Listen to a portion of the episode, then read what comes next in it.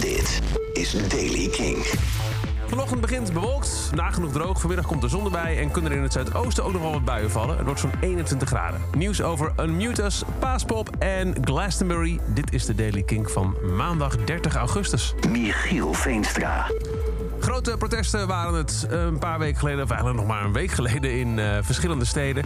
Unmutus, 70.000 mensen trokken op 21 augustus in zes verschillende steden naar buiten om te protesteren tegen het meten met twee maten en het gebrek aan perspectief voor de evenementen- en festivalsector.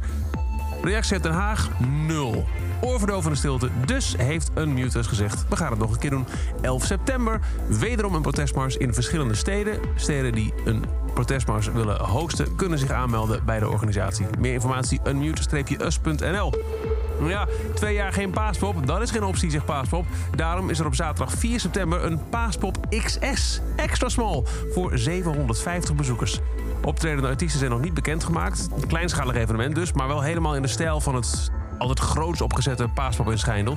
Tijdens deze XS-editie is het voor 750 bezoekers mogelijk om de mainstage, Apollo XS, te bezoeken. Het rock-on-podium van de Bolt XS en de Warehouse XS voor onder andere House. Er is ook een foodtruckplein en een cocktailbar. De kaartverkoop begint vandaag maandag 30 augustus om 7 uur s'avonds. Kaartje kost 39,50.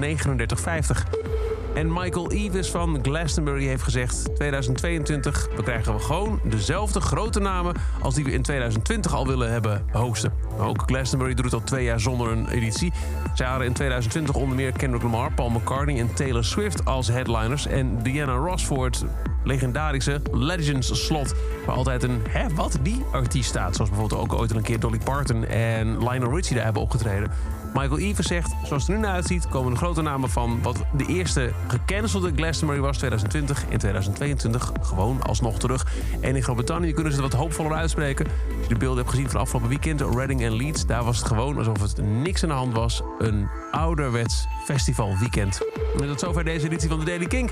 Elke dag een paar minuten bij met het laatste muzieknieuws en nieuwe releases. Niks missen? Luister dan dag in dag uit via de Kink-app, kink.nl... of waar je ook maar een podcast luistert. En voor meer muzieknieuws check je s'avonds om 7 uur de avondshow van Kink, Kink in Touch.